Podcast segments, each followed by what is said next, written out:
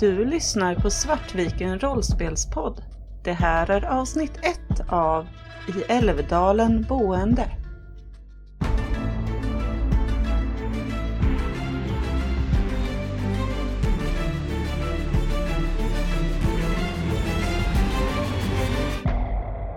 Hej och välkomna till Svartviken rollspelspodd. Idag ska vi spela Call of Cthulhu Sverige för andra gången. Idag har vi den nya redaktören för Call of Cthulhu Sverige, Adrian Madden. Välkommen! Tack så mycket. Och det här släpptes ju tyvärr inte före Lund 1922, utan vi spelade in före eh, festivalen och tyvärr så lyckades vi inte hinna klippa det i förväg. Men om ni var på livespelningen så heja! Så Adrian, vem är du och vad är din roll i det här? Ja, eh, jag heter Adrian Madden. Jag är eh, spelredaktör på Eloso förlag för Call of Cthulhu Sverige. Det är väl det i den här eh, kontexten. Jag är ganska ny på den stolen. Jag blev rekryterad till Eloso i mars, april någonstans där. Så allting är ganska nytt fortfarande. Men eh, nu är jag här med er. Idag ska vi spela i Älvdalen boende som ingår i Väktarens handbok som är grundregelboken till Call of Cthulhu Sverige och är skrivet av Daniel Leto. Era vän Frida-Marit Blomgren före detta Lakonen flyttade för några år sedan från Stockholm tillbaka till sin hembygd Tärendö i Tornedalen efter att hennes livskamrat Karin Johannesson gått bort efter en tids sjukdom. Frida, Karin och ni andra var alla nära vänner. Ni lärde känna varandra genom studier, arbete eller gemensamma bekanta. Men under åren kom ni varandra mycket nära. En avgörande orsak till denna närhet är att ni alla delar liknande livserfarenheter. Den att inte accepteras av sin omgivning för vem man är och den upplevda friheten att lämna sin gamla liv och gamla tillvaro bakom sig och skapa sig ett nytt liv på egna villkor i storstadens myller. Inte för att livet i Stockholm för någon som ibland rör sig utanför samhällets snäva normer och förväntningar är enkelt, men det är i vart fall inte ensamt. Ni har varandra, Frida och Karin hade er, och ni har, har era andra vänner som alla delar liknande upplevelser. Därför var saknaden mycket stor när Karin gick bort. Och ännu mer så när Frida flyttade hem igen. Och tyvärr har kontakten sedan dess varit ytterst sporadisk. Men oavsett avstånd som råder och tid som förflutit så är ni vänner och kommer alltid vara vänner. Och för vissa vänner släpper man allting och beger sig iväg när de behöver hjälp. Frida är en sån vän och det är därför ni nu rest den långa och strapatsrika vägen från Stockholm till djupaste Tornedalen när hon kallat på er. Jag kommer att spela Ludvig Stein som eh, är en eh, entusiastisk eh, folkbildare som jobbar mycket med RFSU och eh, de eh, nya sexualpolitiska frågorna som eh, börjar få allt större ja, plats i samhällsdiskussionen. När Ludvig lärde känna Frida, Karin, Hjalmar, Fanny och Kjell så pluggade fortfarande Ludvig till eh, läkare. Eh, men har sedan dess eh, avbrutit den utbildningen och eh, sysslar nu ganska mycket på heltid med folkbildning egentligen. Åker runt eh, på Folkets hus och föreläser om kondomer och rätten att ha ett ansvarsfullt sexliv. Och det är ju mycket format utav Ludvigs erfarenheter från underground-scenen i Stockholm på den tiden. Så, Kristoffer? Ja, Kjell är eh, privatdetektiv. Han eh, jobbat i Stockholm ganska många år nu och han eh, lärde känna det här gänget. Eh, han var inte med och var, var barndomsvänner och så med dem, utan han, han arbetar med fall som ingen annan riktigt vill ta sig an. Så Kjell jobbar mycket med, med queer-communityt och sådär, där folk och polisen i stort kanske inte riktigt bryr sig om att ja, lösa fallen om det är folk som ligger utanför samhället så, som är offren. Så Kjell har lite specialiserat sig på att ta hand om, om fall som ingen annan vill ta hand om och han har Eh, då blivit en del av den här eh, communityt som har skapats. Han har väl eh, lite haft en fot i det också på, på sätt och vis. Han flyter väldigt mycket när det kommer till vilka han är intresserad av och så. Det varierar vecka från vecka. Och ja, han lärde känna det här gänget och trivdes väldigt bra med det. Så de blev vänner. Och jag kommer spela Hjalmar som är en redaktör för en radikal politisk tidskrift vid namn Flamman.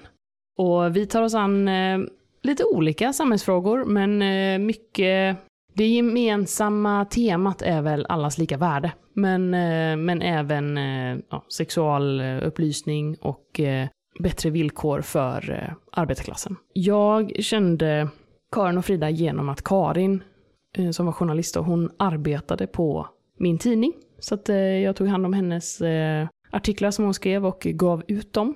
Jag och min eh, livskamrat eh, Roland, eh, vi var nog de som upplät vår lägenhet för mycket, många av våra sammankomster och tillställningar. Min livskamrat Roland då, han är också en agitator för RFSU. Så samma som Sten. Ja, jag heter Fanny.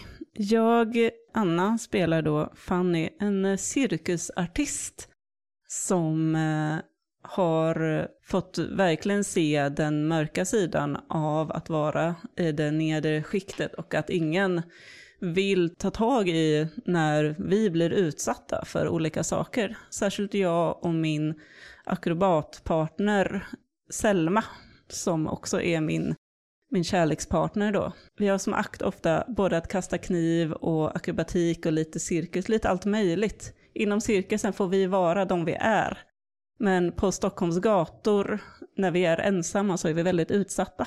Så vi har nog tagit hjälp både av Frida och av Kjell i diverse frågor när ingen annan vill ta oss seriöst när vi blivit utsatta. Så det är så vi kommit in i gänget. Men det var jag framförallt som fastnade för att hjälpa till och kämpa för de viktiga frågorna. Selma höll sig mer i, i bakgrunden och kanske inte riktigt ville stå på barrikaderna. Men jag tycker om det arbete som både Hjalmar och eh, Sten håller på med.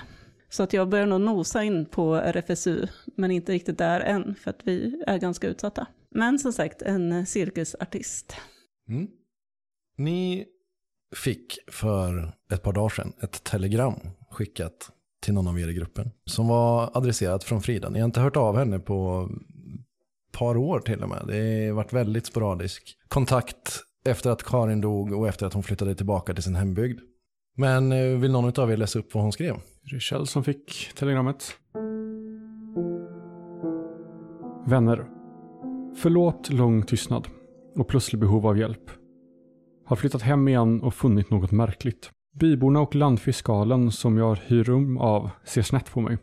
Behöver verkligen en hjälp och vänskap. Någon jag kan lita på. Kom fort, jag ber er. Frida-Marit Lakonen. Vet vi hur Karin dog? Karin dog i sjukdom medan de bodde i Stockholm. Hon hade ett utdraget sjukdomsförlopp som var en svår tid för allihopa. Och kort efter att hon gick bort och begravningen så stack Frida iväg och har sporadiskt hört av sig sedan dess. Men eh, det kom ganska oväntat det här telegrammet. Det var inte som att ni räknade med att få en kontakt. Och därför kanske det får extra tyngd. Ja, det skulle jag säga. Vad har vi för sorts gemensam eh, eh, träffyta nu? Är det fortfarande er lägenhet? Jag tänker att eh, vi har nog fortsatt med våra sammankomster precis som förut. Mm. Även om eh, det alltid eh, finns ett visst tomrum efter eh, Karin och Frida. Jag tänker att det kanske är jag som har fått eh, telegrammet eftersom jag ändå har sysslat just med utredare och sådär. Mm. Mm. Eh, och jag tar väl med det då till en sån här träff och presenterar och det säger att det är en, det är en självklarhet att vi ska åka. Vi är väl de som har det bäst ställt, jag och Roland, tänker jag. Eh, och att vi bokar eh, tågbiljetter för alla då.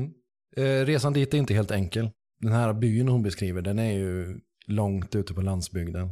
Så det har varit en kämpig väg upp. Alltså det är tåg och bil och hela, hela kittet. Kunde man hyra bil på det här, eh, den här tiden? Osäker, men eh, det är ju uppe i Malmbergen. Exploateringen av Malmbergen har ju påbörjats. Eh, så det finns ju ett ekonomiskt intresse av liksom Stockholmsmakten att etablera sig i områden där uppe i norr. Eh, så att det går ju att lösa resan dit. Men jag tänker att oavsett hur ni lyckades ta er dit så har det tagit kanske ett par dagar i alla fall. Och den sista biten är ju eventuellt liksom skumpig bilväg, bli avsläppt vid en krök liksom. Och gå en stig, grusväg, en ganska lång färd dit. Vilken tid på året är det? Det är sommar. Mm. Skulle säga att det kanske är i augusti någon gång. Men efter den här eh, färden så står ni i Tärendö som den heter. Och ni har tagit er till landfiskal C.I. Jonssons gård för att träffa Frida. Det är ett bostadshus, finns en lada, ett utedass och lite små byggnader på gården och en brunn. Jag tänker om du inte protesterar att vi har skickat eh, brev upp innan att vi är på väg. Mm. Så. Så att vi går väl bara fram och knackar på kanske. Ja, ni hör en röst där inifrån, mumla lite grann. Säger väl, ja vänta, vänta, jag kommer. Och efter ja, några sekunder så, så öppnar en herre i 50-årsåldern. Eh, lång och reslig men lite, så här, lite utmärglad i utseendet. Och ni känner en tydlig doft av alkohol. Så fort han pratar så hör ni att han sluddrar på rösten. Och han presenterar sig som landsfiskal Jonsson eh, och frågar vilka ni är. Ja, eh, jag är eh, herr Wernström, Kjell Wernström. Och det här är mina kollegor, vi är från Stockholm. Vi är här för att träffa, för att träffa Frida. Vad sa du att det heter, sa du? Och... Kjell Wernström heter jag. Kjell Wernström. Uh, vi, har, vi har skickat telegram som har informerat om att vi skulle komma. Ja, men uh, sånt är lite osäkert här omkring. Det har inte kommit någon, uh, vad jag har märkt i alla fall. Du sökte Frida, sa du? Ja, ja precis, Frida. hon är inte här. Nej. Ehm, jag tittar mig på de andra och stryker svetten ur pannan. Ehm, nej, okej. Okay. Vet du var hon håller hus då? Nej, ja, hon borde komma tillbaka snart. Men hon, hon var borta när jag kom upp i morse. Jaha, ja. det... Finns det någon möjlighet att vi skulle kunna vänta på henne här i hennes rum? För, för visst eh, hyr, hyr hon av er? Ja, eh, hon hyr ett rum här. Vi är kollegor, hon jobbar också. Vi jobbar tillsammans. Så hon hyr ett rum här i, i mitt hus. Så ja, det, det kan ni göra. Ja, ja, kom in, han, han öppnar dörren och liksom, vi ser att han snubblar till lite grann när han när han går in. Eh, vill ni ha kaffe eller någonting sånt? Ja, tack gärna. Ja, tack. Han börjar rota i köket, försöker väl hitta någon liksom kaffekanna och få igång eh, någon eld i spisen. Verkar ovan vid att ha gäster generellt. Han kanske kan få någonting, eh, någonting lite till kaffet också om det, om det skulle finnas. Uh, ja, det, det kan du. Jag har nog brännvin här någonstans. Han rotar i ja, några köksluckor och hittar väl någon halvtom flaska renat eller något. Jag sätter mig på en av stolarna i, i köket och drar upp väskan i knät. Ja, Hjalmar kikar sig omkring och ser ifall det finns någonstans att sitta. Det känns som att eh, det kanske är lite stökigt här. Jag får det intrycket av att det kanske inte är helt fläckfritt, men det kanske är bara min tolkning. Du får nog mer upplevelsen av att han eh, är lite dåligt orienterad i sitt eget kök. Okej. Okay. är det städat och i ordning så är det nog inte tack vare honom. Jag tänker så här, ja, ja. Jag, jag, är ganska mån om min kostym till exempel. Så att, eh, ja. jag vill inte sätta mig ner om det är smutsigt. Nej, men det finns sittplatser. Och det, han har ju allting ni begär, alltså så sett. Det är bara det att han inte riktigt vet vart grejerna står. Jag sitter och pillar med fingrarna och så här, slår dem lätt på bordet lite rastlöst. Mm. Jag är inte riktigt van vid den eh, lugnet som är här uppe. Och att det saker tar som tid. Eh, landsfiskalen tittar på klockan och ser lite bekymrad ut och säger ja, nej, jag vet inte vart hon har gått faktiskt. Och hon hade gått i, i morse när jag kom upp. Och jag fick eh, nästan bryta upp dörren för att hon hade lämnat nyckeln kvar i låset. Och ska jag vara ärlig så börjar jag nog faktiskt bli lite orolig nu. Hon borde ha kommit tillbaka. Men eh, hon kanske kommer senare. Och hon sa inte alls vart hon skulle gå eller? Nej, eh, det är inte alltid hon säger sådana saker heller längre. Men, men det låter bara som att hon har gjort sånt här tidigare. Ja, inte så. Hon har väl arbetat ganska självständigt den senaste tiden. Ja, hon har väl kanske inte fått det bästa ryktet i byn heller. Alltså, varför det? Ja, men hon är ju lite märklig. Är det, har hon bråkat med någon eller? Nej, men ni måste förstå, det är enkelt folk som bor här uppe. Eh, och hon är frågvis bara. Hon är ju duktig på sitt jobb och hon har ju fyllt en stor viktig roll. Men hon är så misstänksam mot allting. Men, men är inte det en del av hennes yrke att vara misstänksam och ställa frågor? Eller har jag förstått det fel? Jo, men det här är ju inte Stockholm. Det händer ju inte så mycket sånt. Folk har väl tyckt att hon har varit lite snofsig kanske. Ja, hon, är, hon har ju väl eh, tappat bygden. Hon flyttade ju härifrån som ung. Så att, ja, jag vet inte vad jag ska säga. Han börjar plocka fram eh, muggar och, och kanske liksom ett stadigt glas och häller väl upp om ni vill ha. Och sen så häller han upp till sig själv också och smuttar lite. Jag tar helt klart. Mm. Jag sitter också och dricker lite, lite kaffe. Vi vill verkligen inte vara i vägen eh, för er, eh, herr landfiskal. Vi kan absolut vänta uppe på Fridas rum om det skulle vara så, om ni har viktigare angelägenheter för er. Det kan ni göra. Det är bara att följa med. Han börjar gå upp för trappen. Jag tömmer glaset med sprit och tar med mig kaffekoppen. Mm. På ovanvåningen så är det inte slitet skulle jag inte säga. Men eh, han verkar inte röra sig här uppe överhuvudtaget. Det som står här det är liksom möbler som är övertäckta med vita lakan. Och sen så är det Fridas rum i princip. Det mesta är täckt av damm förutom vägen mellan trappen och där Frida bor. Är det ingen som använder de här husen? Har ni helt rum här som står helt tomma? Ja, jag har inget behov av utrymmet riktigt. Det är en helt annan verklighet än den trångboddheten som jag är van vid. Du kanske skulle flytta upp hit? Ja, det finns nog inte så många ställen att uppträda här på kanske. Om de inte gillar märkliga människor. Men eh, var det där Fridas rum alltså? Jajamän. Han visar in er i eh, ett litet sovrum. Fönstret står på vid gavel. Och han säger att det, ja, det var så här jag hittade det. Jag har inte, jag har inte gjort någonting sedan, sedan jag upptäckte att hon var borta. Så fönstret har nog kanske stått öppet hela natten i så fall. Jag går fram till fönstret och sätter händerna på fönsterbrädan och sen kikar jag ut. Hur långt ner är det till marken? Eh, Det är andra våningen, så vad kan det vara? En Tre och en halv meter kanske? Men du kan slå ett slag på fina dolda ting.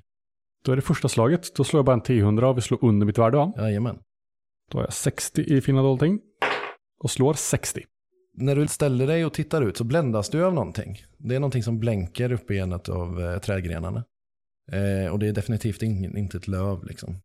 Utan det är tydligt att du får solen reflekteras i ögonen på dig. Jag står där och kikar lite en stund och medan jag gör det så stryker jag med ena fingret längs med min näsa. Som uppenbarligen bruten flera gånger så jag liksom följer kurvorna. Nästan lite som att jag fortfarande försöker vänja mig vid att den ser annorlunda ut nu än vad jag är van vid. Mm. Eh, jag tycker mig ana någonting underligt i trädet där borta. Känner du igen någonting där, herr Jonsson? Han spänner ögonen. Nej, det jag ser nog ingenting. Jag är ganska säker på det. Kan, kan du visa mig, peka ut ordentligt där? Jag pekar i, i trädet där, ganska högt upp. Hög, höger sida om stammen. Ja, där är det något som blänker, ja. Det är ingenting du har sett tidigare. Nej, det känner jag inte igen. Är det som någon har släpat upp någonting där? En fågel, skata eller någonting sånt. Men jag har inte blivit av någon med någonting som jag har märkt. Ja, vi får kanske gå dit och kika lite sen. Eh, Har ni andra hittat någonting i, så länge? Jag tänker jag kolla på dörren. Han sa att nyckeln satt, hade suttit i dörren. Ja, han beskrev, eller om du frågar honom igen så, så beskriver han hur han var tvungen att, han har ju en eh, nyckel. Frida brukar ju gå upp innan honom. Men det hade inte gjort det nu i morse. Så att när han knackade på och inte fick något svar så låste han upp dörren med sin egen nyckel. Men han märkte då att han fick liksom peta ut den nyckeln som satt i andra änden, från andra hållet i låset. Så dörren var låst på morgonen.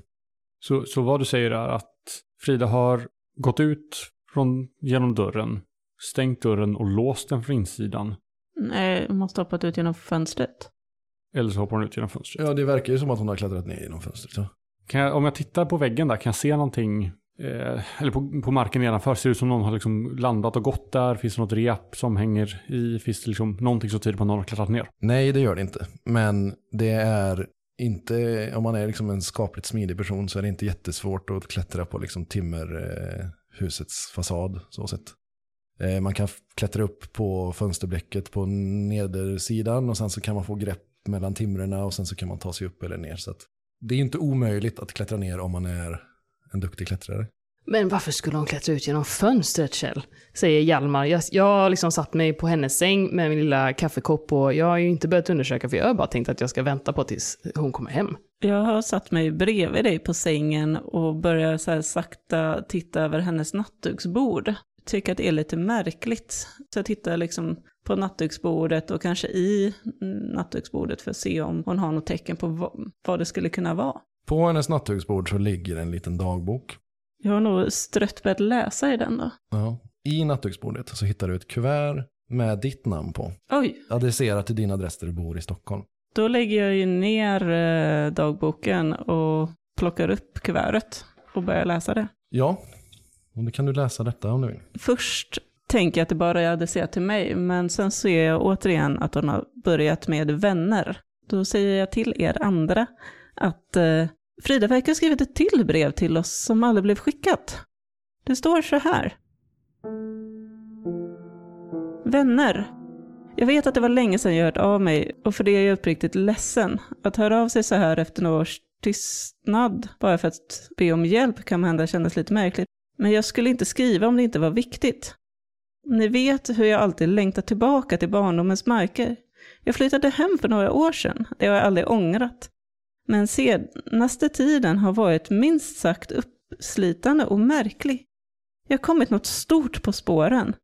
Men jag misstänker mig motarbetad av landsfiskalen och byborna. Läser du det här högt när landsfiskalen eh, står där? Hur reagerar landfiskalen på det? Han blir inte upprörd eller arg. När det står så i brevet så skakar han lite lätt på huvudet och så säger läs det där klart, men jag kan förklara sen. Jag, jag tittar tveksamt på er andra. Att så här, ja, nej men, eh, ja, så här står det i alla fall. De ser snett på mig och den sista tiden har de flesta även slutat prata med mig. Man ska inte gräva i det som varit, har jag fått höra. Men jag kan inte låta det vara osett. Någon gång måste cykeln brytas. Jag behöver hjälp av er, för jag vet inte annars vem jag kan lita på. Jag förstår om ni inte vill hörsamma mig. Jag vet inte om jag själv skulle gjort det efter all denna tid. Men jag skulle vara er evigt tacksamma. Jag står för alla era omkostnader om ni kommer. Min eviga vänskap har ni redan.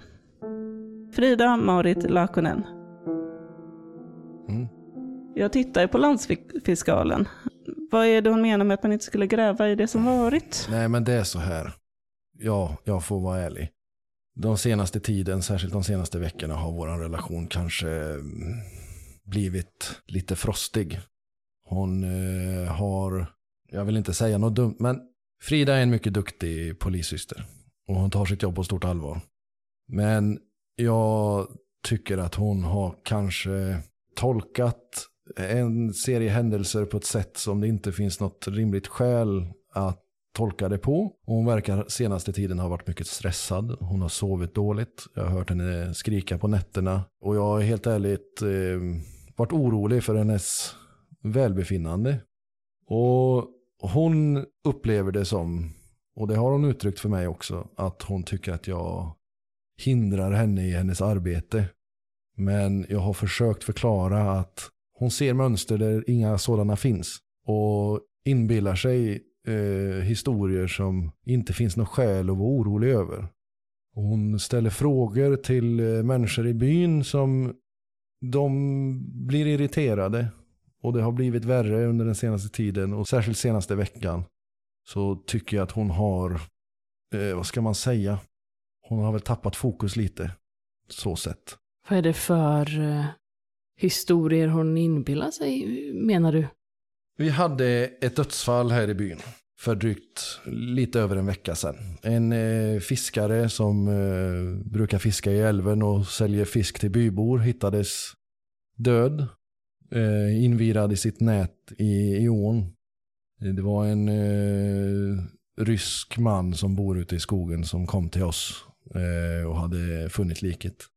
Och Frida var övertygad om, trots att inga bevis fanns, att det här var någon sorts komplott med att en fiskare drunknar. Dessutom en som är känd för att vara, ofta vara på flaskan. Jag ger eh, mannen en menande blick. Mm. Och jag försökte få henne att inse att det inte är någonting att jaga upp sig över. Men hon verkar ta det hela väldigt hårt och sen dess har det bara blivit värre och värre. Fram tills då idag då hon helt var borta. Så det är väl det. Hon ville inte lyssna med det örat helt enkelt. Jaha, ja, det låter ju inte bra alls det här du. Var det någonting som hände innan det här dödsfallet? Eller är det bara det som hon har fastnat för? Redan innan det så, så är det som att det var någonting som tyngde henne och att, eh, vad ska man säga, som en rastlöshet och letar efter eh, mönster i, där inga mönster finns. Så jag såg de tendenserna redan innan. Men nej, det är först och främst efter att den här fiskaren, Risto som han kallades, då började hon hävda att det fanns sammanhang med andra försvinnanden och andra olyckshändelser. Och ja, vi som lever här är medvetna om att vi, vi är omgivna av djupa skogar och myrar och berg. Och det finns björnar och det finns vargar och det finns kanske annat där ute. Och vi som jobbar här, vi jobbar med lantbruk och vi jagar och vi fiskar i älvarna och det händer saker ibland. Och det är bara en del av tillvaron. Men det kändes som att i Stockholm kanske man är van vid att så fort det sker en olycka så ska, ska man hålla på och gräva i det. Men vi gör inte det på det sättet här. Alltså ni lever ju ändå på ganska begränsat område. Är det, är det ofta det blir konflikt mellan människor här eller hur ser det ut? Ja, det händer ju, men de som bor här har ju oftast bott här ganska länge och deras familjer är härifrån. Det är sällan det flyttar någon hit. Det har kommit lite mer nu med skogsbruket och malmen och sånt såklart. Det har också blivit mer rörelse i skogen. Jag vet inte, hon har i sitt kontor på nedervåningen så har hon en hel samling med olika papper och sånt hon har samlat ihop sig. Ni kanske kan titta på det, jag har inte satt mig in så mycket i det. Framförallt så har jag väl bara försökt få henne att se sans i det hela. Att det är inte så mycket att jaga upp sig över. Hon har inte pratat om att hon skulle prata med någon om det här eller sådär? Någon som hon kanske gick ut tidigt i morse för att höra om någonting med? Nej, vi har inte pratat så mycket de senaste dagarna. Eh, hon blev väldigt irriterad på mig när jag sa att det inte är något att gräva i. Hade hon några andra vänner här? Nej, jag tror inte att hon har några vänner här faktiskt. Om hon hade det så har hon inte kvar dem längre. Det är för mycket frågor och... Men det jag inte förstår är varför, även om ni kanske inte var på godaste fot de senaste tiden, varför skulle hon klättra ut genom fönstret istället för att bara ta ytterdörren? Det verkar lite extremt, säger Hjalmar från sängen. Var hon alltid så dramatisk? Alltså hon hade ju en, eh, en mer känslosam sida, men, men det här verkar ju bara ologiskt. Både Frida och, och Karin var väl sådana som, som tog ut svängarna lite, men, men jag kan inte minnas att nej, jag tycker inte riktigt att det passar in i min bild av Frida. Ja, men ni kommer väl ihåg hur Frida var innan hon träffade Karin? Hon kunde ju få för sig ganska eh, lustiga idéer om vad hon var tvungen, tvungen att göra för... Men hoppa ut genom ett fönster, Sten. Är inte det lite extremt? Ja, men Att hon snör in på saker och ting, det, det har hon ju alltid gjort. Sen så visste vi ju för sig att det var någonting som var, med tanke på hennes telegram, någonting som fascinerar mig, det är varför hon inte har skickat brevet. telegrammet kanske går fortare. Ja, Står, står det någonting i hennes dagbok där du? Men ska vi verkligen läsa hennes dagbok, Kjell? Hon lär väl säkert dyka upp. Kan vi inte ge henne lite tid? Det känns ju väldigt intimt. att gå igenom någons dagbok sådär, det vet jag inte om jag är vi bekväm står med. inför ganska underliga omständigheter här. Om hon är i fara så är det viktigt att vi försöker lista ut var hon är så snabbt som möjligt. För annars så, det första dygnet är absolut viktigast Ja, när det men- kommer till att hitta Men personer. herr, herr landsfiskal, vi- visst tror du inte att, att Frida är i fara? Nej, det tror jag inte. Jag tror att hon har fått eh, någon idé som hon inte ville att jag skulle få reda på. Det Självklart märkligt att hon har tagit ut sig genom fönstret. Det tycker jag också är underligt. Och jag börjar bli lite orolig att hon inte har kommit tillbaka än. Men ska jag vara helt ärlig så vet jag inte vad som försiggår i hennes huvud alla gånger. Särskilt inte den senaste tiden. Hon har varit stressad och jag har hört att hon har varit uppe på nätterna. Så att hon har fått någon, eh, Ja, hon har ju kallats på oss också, så att eh, uppenbarligen står inte allt rätt till. Men jag tycker gott och väl vi kan ge henne en liten tid. Kan Ja. ta det lite varligt eh, här. Ja, hon, är, hon har inte varit borta mer än ett, ett dygn än. Så jag tycker nog att Hjalmar har en, en god poäng. Men då tycker jag vi gör så här att jag tar med mig cirkusartisten här, jag gestikulerar mot Fanny. Och så tar vi en liten promenad bort till, till trädet och så försöker vi fiska ner den där blänkande saken. Så kan ni sitta här och dricka ert kaffe så möts vi här om en liten stund igen. Ja, jag tänker att jag ska nog, eh, Hjalmar eh, tar av sig eh, kavajen och hänger den på en stol. Jag ska nog faktiskt ta igen mig lite. Jag kände att den där sista, sista vandringen där, den, eh, man är ju inte purung eh, nu för tiden, så att jag, jag ska nog faktiskt eh, ta mig en liten tupplur, har jag tänkt. Landsfiskalen sträcker lite på sig och säger att jag kanske ska lämna er i fred en stund om ni vill eh, kika runt i hennes rum eller inte. Och jag kan gå ner och, och kolla så att det är olåst i kontoret också. Det är på nedervåningen om ni vill, om ni vill kika där. Men annars så går jag och sätter mig igen. Ja, men det, det vore utmärkt. Ludvig, du som kanske inte behöver vila benen och rygg lika mycket, du kanske kan kolla hennes eh, kontor så länge medan vi jag och Fanny är borta. Ja, men hon kommer nog komma tillbaka strax. Hon kunde vara borta i flera dagar när vi var som värst. Jag, jag sätter mig och drar upp, drar upp ena, ena benet i fönstret och indikerar med eh, med hela kroppen att eh, ja, jag, ska, jag ska vänta här ett tag. Akta så att du inte ramlar ner, säger jag sammanbitet. Och sen går jag därifrån. Jag följer efter. Eh, Jag är lite frustrerad över de andras två, eh, att de inte bryr sig. Det här är ju ändå allvarligt att Frida skickade ett sånt här brev. Så jag ger er en liten ilsken blick. Och sen så följer jag efter Kjell. Hela vägen bort till trädet så går jag och mumlar så här. De vet inte hur det funkar med, med försvunna personer. Att den första tiden är absolut viktigast. Om att det finns ingen anledning. Om hon kommer tillbaka så är hon tillbaka och då är det lugnt. Men om hon inte kommer tillbaka så är det viktigt att vi, bara går och mumlar ajt. Och vi ligger ju kvar. Hjalmar lägger sig ner på Fridas säng och, och tar igen sig lite. Jag sitter och svalkar mig i fönstret. Men ni har tillräckligt mycket respekt för, för henne att inte rota igenom hennes, resten av hennes grejer innan... Märker jag att Hjalmar eh, somnar så kommer jag eh, gå igenom dagboken. Hjalmar somnar.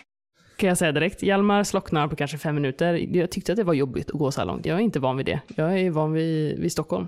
Ja. Men ni är på väg till trädet? Ja. Eh, ganska kraftigt gammalt knotigt träd som står på baksidan av huset. Ja, eh, du jobbar ju med det här så jag tänker att du kanske klättrar upp. Jag kan stå här nere och fånga dig om du ramlar ner. Jag tittar upp på trädet och försöker se vilka grenar som går att klättra på. Och sen vill jag ge mig upp. Trädet är knotigt och gammalt eh, och är ganska lätt för dig att, ta dig upp i. Men vet du vad du letar efter? Någonting som blänker. Jag såg väl ungefär var i trädet det var också. Så jag försöker Ja. liksom så här dirigera, men du ska åt höger nu, du ska upp lite längre upp så. Du har ju koll på typ vart det är. Med dirigering från din kamrat på marken så tar du ut på en ganska kraftig gren, ganska högt upp i, i trädkronan. Och där hittar du ett par glasögon. Där uppe. Mm. Känner jag igen dem? Ja, Frida hade ju glasögon. Jag ropar ut, men det här är ju Fridas glasögon. Här uppe. Och sen så stoppar jag dem i bröstfickan och tittar mig runt i trädet om jag ser någon mer spår av henne som fastnat här uppe. Nej, du kan inte se någonting. Eh, inga klädesplagg eller eh, någonting sånt. Utan det var glasögonen som var här uppe. Det var de som blänkte. Jag kikar liksom mot eh, huset till. Skulle man exempelvis kunna hoppa från huset till trädet på något vis? Det vore fullständigt omöjligt. Okej, det är så pass långt bort ändå. Ja. Även om man är på taket så kan man inte ta sats och hoppa. Nej. Eh, och dessutom så var den grenen där du fann glasögonen, där du såg glasögonen och där du hittade dem är liksom parallellt eller kanske till och med lite högre upp än vad fönstret är. Ha. Jag, jag klättrar ner igen och håller fram. Va? Frida? Har hon kastat upp glasögonen i trädet? Jag eh, ropar ut till Sten som jag ser sitter i fönstret och liksom vinkar med de här glasögonen. Det var Fridas glasögon. Är det Fridas glasögon då? Ja, det kan jag känna igen var som helst ifrån. Vi har ju sett dem på henne i flera år. Det borde inte vara någon annan. Men jag börjar bli rätt orolig nu. Ja, okej, men jag kommer ner. Och så går jag ner också. Mm. Och lämnar, lämnar Hjalmar i sängen. jag eh, går ut från eh, Fridas rum och eh, börjar gå ner för trappan. Jajamän.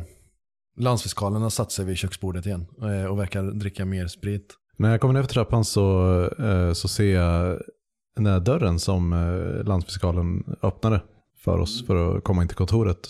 Eh, så jag tänker att eh, jag hinner ta en liten titt där inne. Och, eh, och svänger in där helt enkelt. Kontoret är väldigt enkelt inrett. Det är liksom ett skrivbord med lite hyllor. En liten stol bara. Skrivdon på bordet. Och ganska mycket liksom papper och mappar och ja, anteckningar och sånt. Så det ser ut som att hon har arbetat ganska intensivt här den senaste tiden.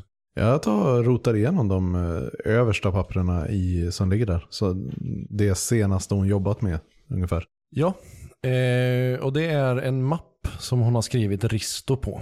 Och det var ju den här döda fiskaren. Mm. Där har hon börjat skriva en polisrapport. Eh, och hon har också tagit med en del annan information.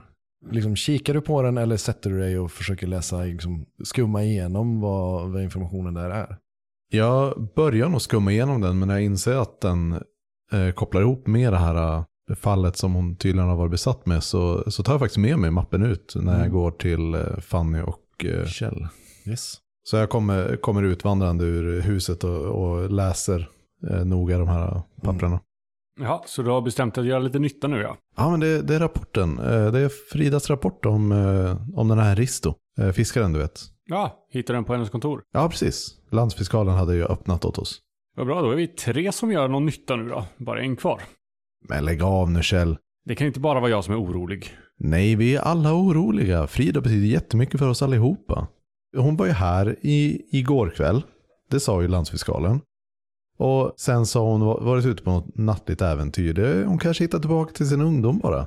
Men varför skulle hon kasta upp sina glasögon i trädet? Ja, men det kan ju ha hänt när som helst. Omständigheterna här är så pass underliga att det är tillräckligt för att jag ska oroa mig. Det kanske bara är någons glasögon som ser likadan ut som Fridas. Får jag titta på dem? Alltså är jag också säker på att det är Fridas glasögon just eller? Ja, hon eh, hade väl en stil som hon föredrog, som ni kände igen sedan tidigare. Ja, så jag vrider och vänder på dem lite grann och mm, ja, jo. Nej men det här ser ut som Fridas glasögon. Och så tittar jag upp i trädet. Det är ju konstigt att hon, att hon skulle lämna dem där uppe. Ja, och det var ju alltså, hela vägen nästan högst upp i kronan, över fönsternivå. Det är ganska högt kastat också. Ja, men hon måste väl haft någon anledning att klättra upp där. Men Eller så är det skator. De gillar ju blänkande saker har jag hört. jo, men, men hon ser väl inte så bra ut utan sina glasögon. Hon behöver dem ju av en anledning. Ja, men det är ju inte som att hon har brytt sig så mycket om det förutom om hon ska läsa någonting. Att hon, att hon ser som, som en mullvad, det är ju, det har hon ju lärt sig leva med. Det vet jag från ja, festerna och sånt där. Men, men rapporten. Jag står bredvid och liksom stampar av otålighet. Ja, här. eh, Jag ger rapporten till eh, Kjell. Tack. Kjell har ju lite mer erfarenhet av den typen av dokumentation. Jag slår upp den och börjar läsa. Ja. Du kikade ju, liksom ögnade igenom rapporten själv innan. Eh, och jag antar att ni liksom bläddrar igenom den så pass mycket att ni får med det, liksom, the basics. Ja, jag har ju van av att läsa sådana här också. Hon har börjat fylla i en officiell polisrapport om Ristos död. Och eh, hon har skrivit i då att hon misstänker att det är ett mord. Risto hade hittats invirad i sitt nät, eh, men hade också fått ett kraftigt slag mot huvudet. Personen som rapporterade in dödsfallet är en man som heter Golovin, som eh, bor i en stuga ute i skogen, Eh, ganska nära där den delen utav ån som, eh, som Risto hittades. I mappen ligger också en handskriven lapp från Jonsson som han har gett till henne där han skriver att hon bör ändra dödsorsaken till drunkning för att det är det som det handlar om. Och rapporterar det som en olycka och inte ett mord. Ehm, det finns även en karta över området där hon har gjort lite anteckningar. Det finns också två polisrapporter, äldre polisrapporter från Pajala som hon har hämtat ut. Och det gäller två tidigare tillfällen med ett års mellanrum där två skogsarbetare har rapporterats försvunna från Pajala som har arbetat i området kring Tärendöbyn. Båda de här har återfunnits senare och vid bägge tillfällena så saknade de ögon. Och det finns en handskriven lapp från Frida i den här polisrapporten där hon skriver Tre döda, ett år mellan varje och nu Risto. Vad Jonsson än säger kan det inte vara en slump. Och varför saknas ögonen? Saknade Risto också ögon? Det finns det ingenting Det framgår som framgår. Nej. Eh, Så förmodligen så gjorde han ju inte det när han hittades. Det finns också en liten anteckningsbok, eller snarare ett litet anteckningsblock, där hon har skrivit ner några namn eh, och en liten kommentar till varje namn. Eh, Och vill ni jag ska läsa upp? Ja, tack. Första namnet är Hulda, enstöring och illa ansedd. Hämnd? Frågetecken. Nästa är Esa, Huldas son. Simpel med tendenser till utbrott. Farlig? Frågetecken. Nästa namn är Inga. Förlorat flera av sina många barn. Datumen stämmer med de andra dödsfallen. Sjukdom? Frågetecken. Eller något annat? Mycket märklig kvinna. Sven. Flyttade hit bara för ett år sedan, så osannolik. Nästa offer? Frågetecken. Algot. Fruktansvärd man. Men en präst skulle väl aldrig begå våld. Och sista. Golovin. Byborna tror ryssen är en trollkarl. Inte sannolikt. Men ett vittne som kanske vet- vet mer? Frågetecken. Det är det som finns i rapporten, eller i den här mappen som man hade. Jaha, eh, här har vi ju lite att utgå från i alla fall. Både en, en karta med lite platser och en lista med namn. Men vadå, du tror inte att hon är nästa offer? Jag vet inte. Men det är en, en någonstans att börja på i alla fall. Ja, nej, men vi får väl bara välja en startpunkt och börja gräva. Fanns det något mer inne på kontoret? Eh, ja, det finns lite mer bråt inne på kontoret. Jag går in mot kontoret. Ja, vi ska nog inte ge oss ut innan vi vet Vet vad det är? Jag ropar efter Fanny. Eh, Kan du väcka Hjalmar också? Jag kan försöka. Han brukar inte vara så lättväckt när han väl vill sova. Jag prioriterar ju inte att väcka Hjalmar, utan eh, min eh, nyfikenhet har ju triggats igång här, så att eh, jag går in på kontoret och börjar kika igenom vad mer det kan vara som, som finns här inne, vad hon har kommit på spåren. Det finns lite mer papper och anteckningar på själva liksom, skrivbordet. Men det är när du tittar i byrålådorna som du hittar någonting som känns lite mer skumt. Hon har ritat ett gäng teckningar, verkar det som, med kol, kolkrita. Som alla föreställer ett liknande motiv. Och det, hon verkar avbilda någon sorts kniv eller dolk. Du hittar också ett skrynkligt kuvert som hon har liksom slängt in under lite annat bråte i en låda som ligger längre ner. Där det står namnet Frida i väldigt, med en väldigt illa handstil. Jag knägglar upp det. I det ligger en skrynklig papperslapp, skrivet nästan oläsligt med helt i versaler. Det står Lämna Eite i fred annars. Du har lyssnat på Svartviken rollspelspodd. Call of Cthulhu Sverige ges ut av Eloso förlag och musiken är gjord av Alexander Bergil.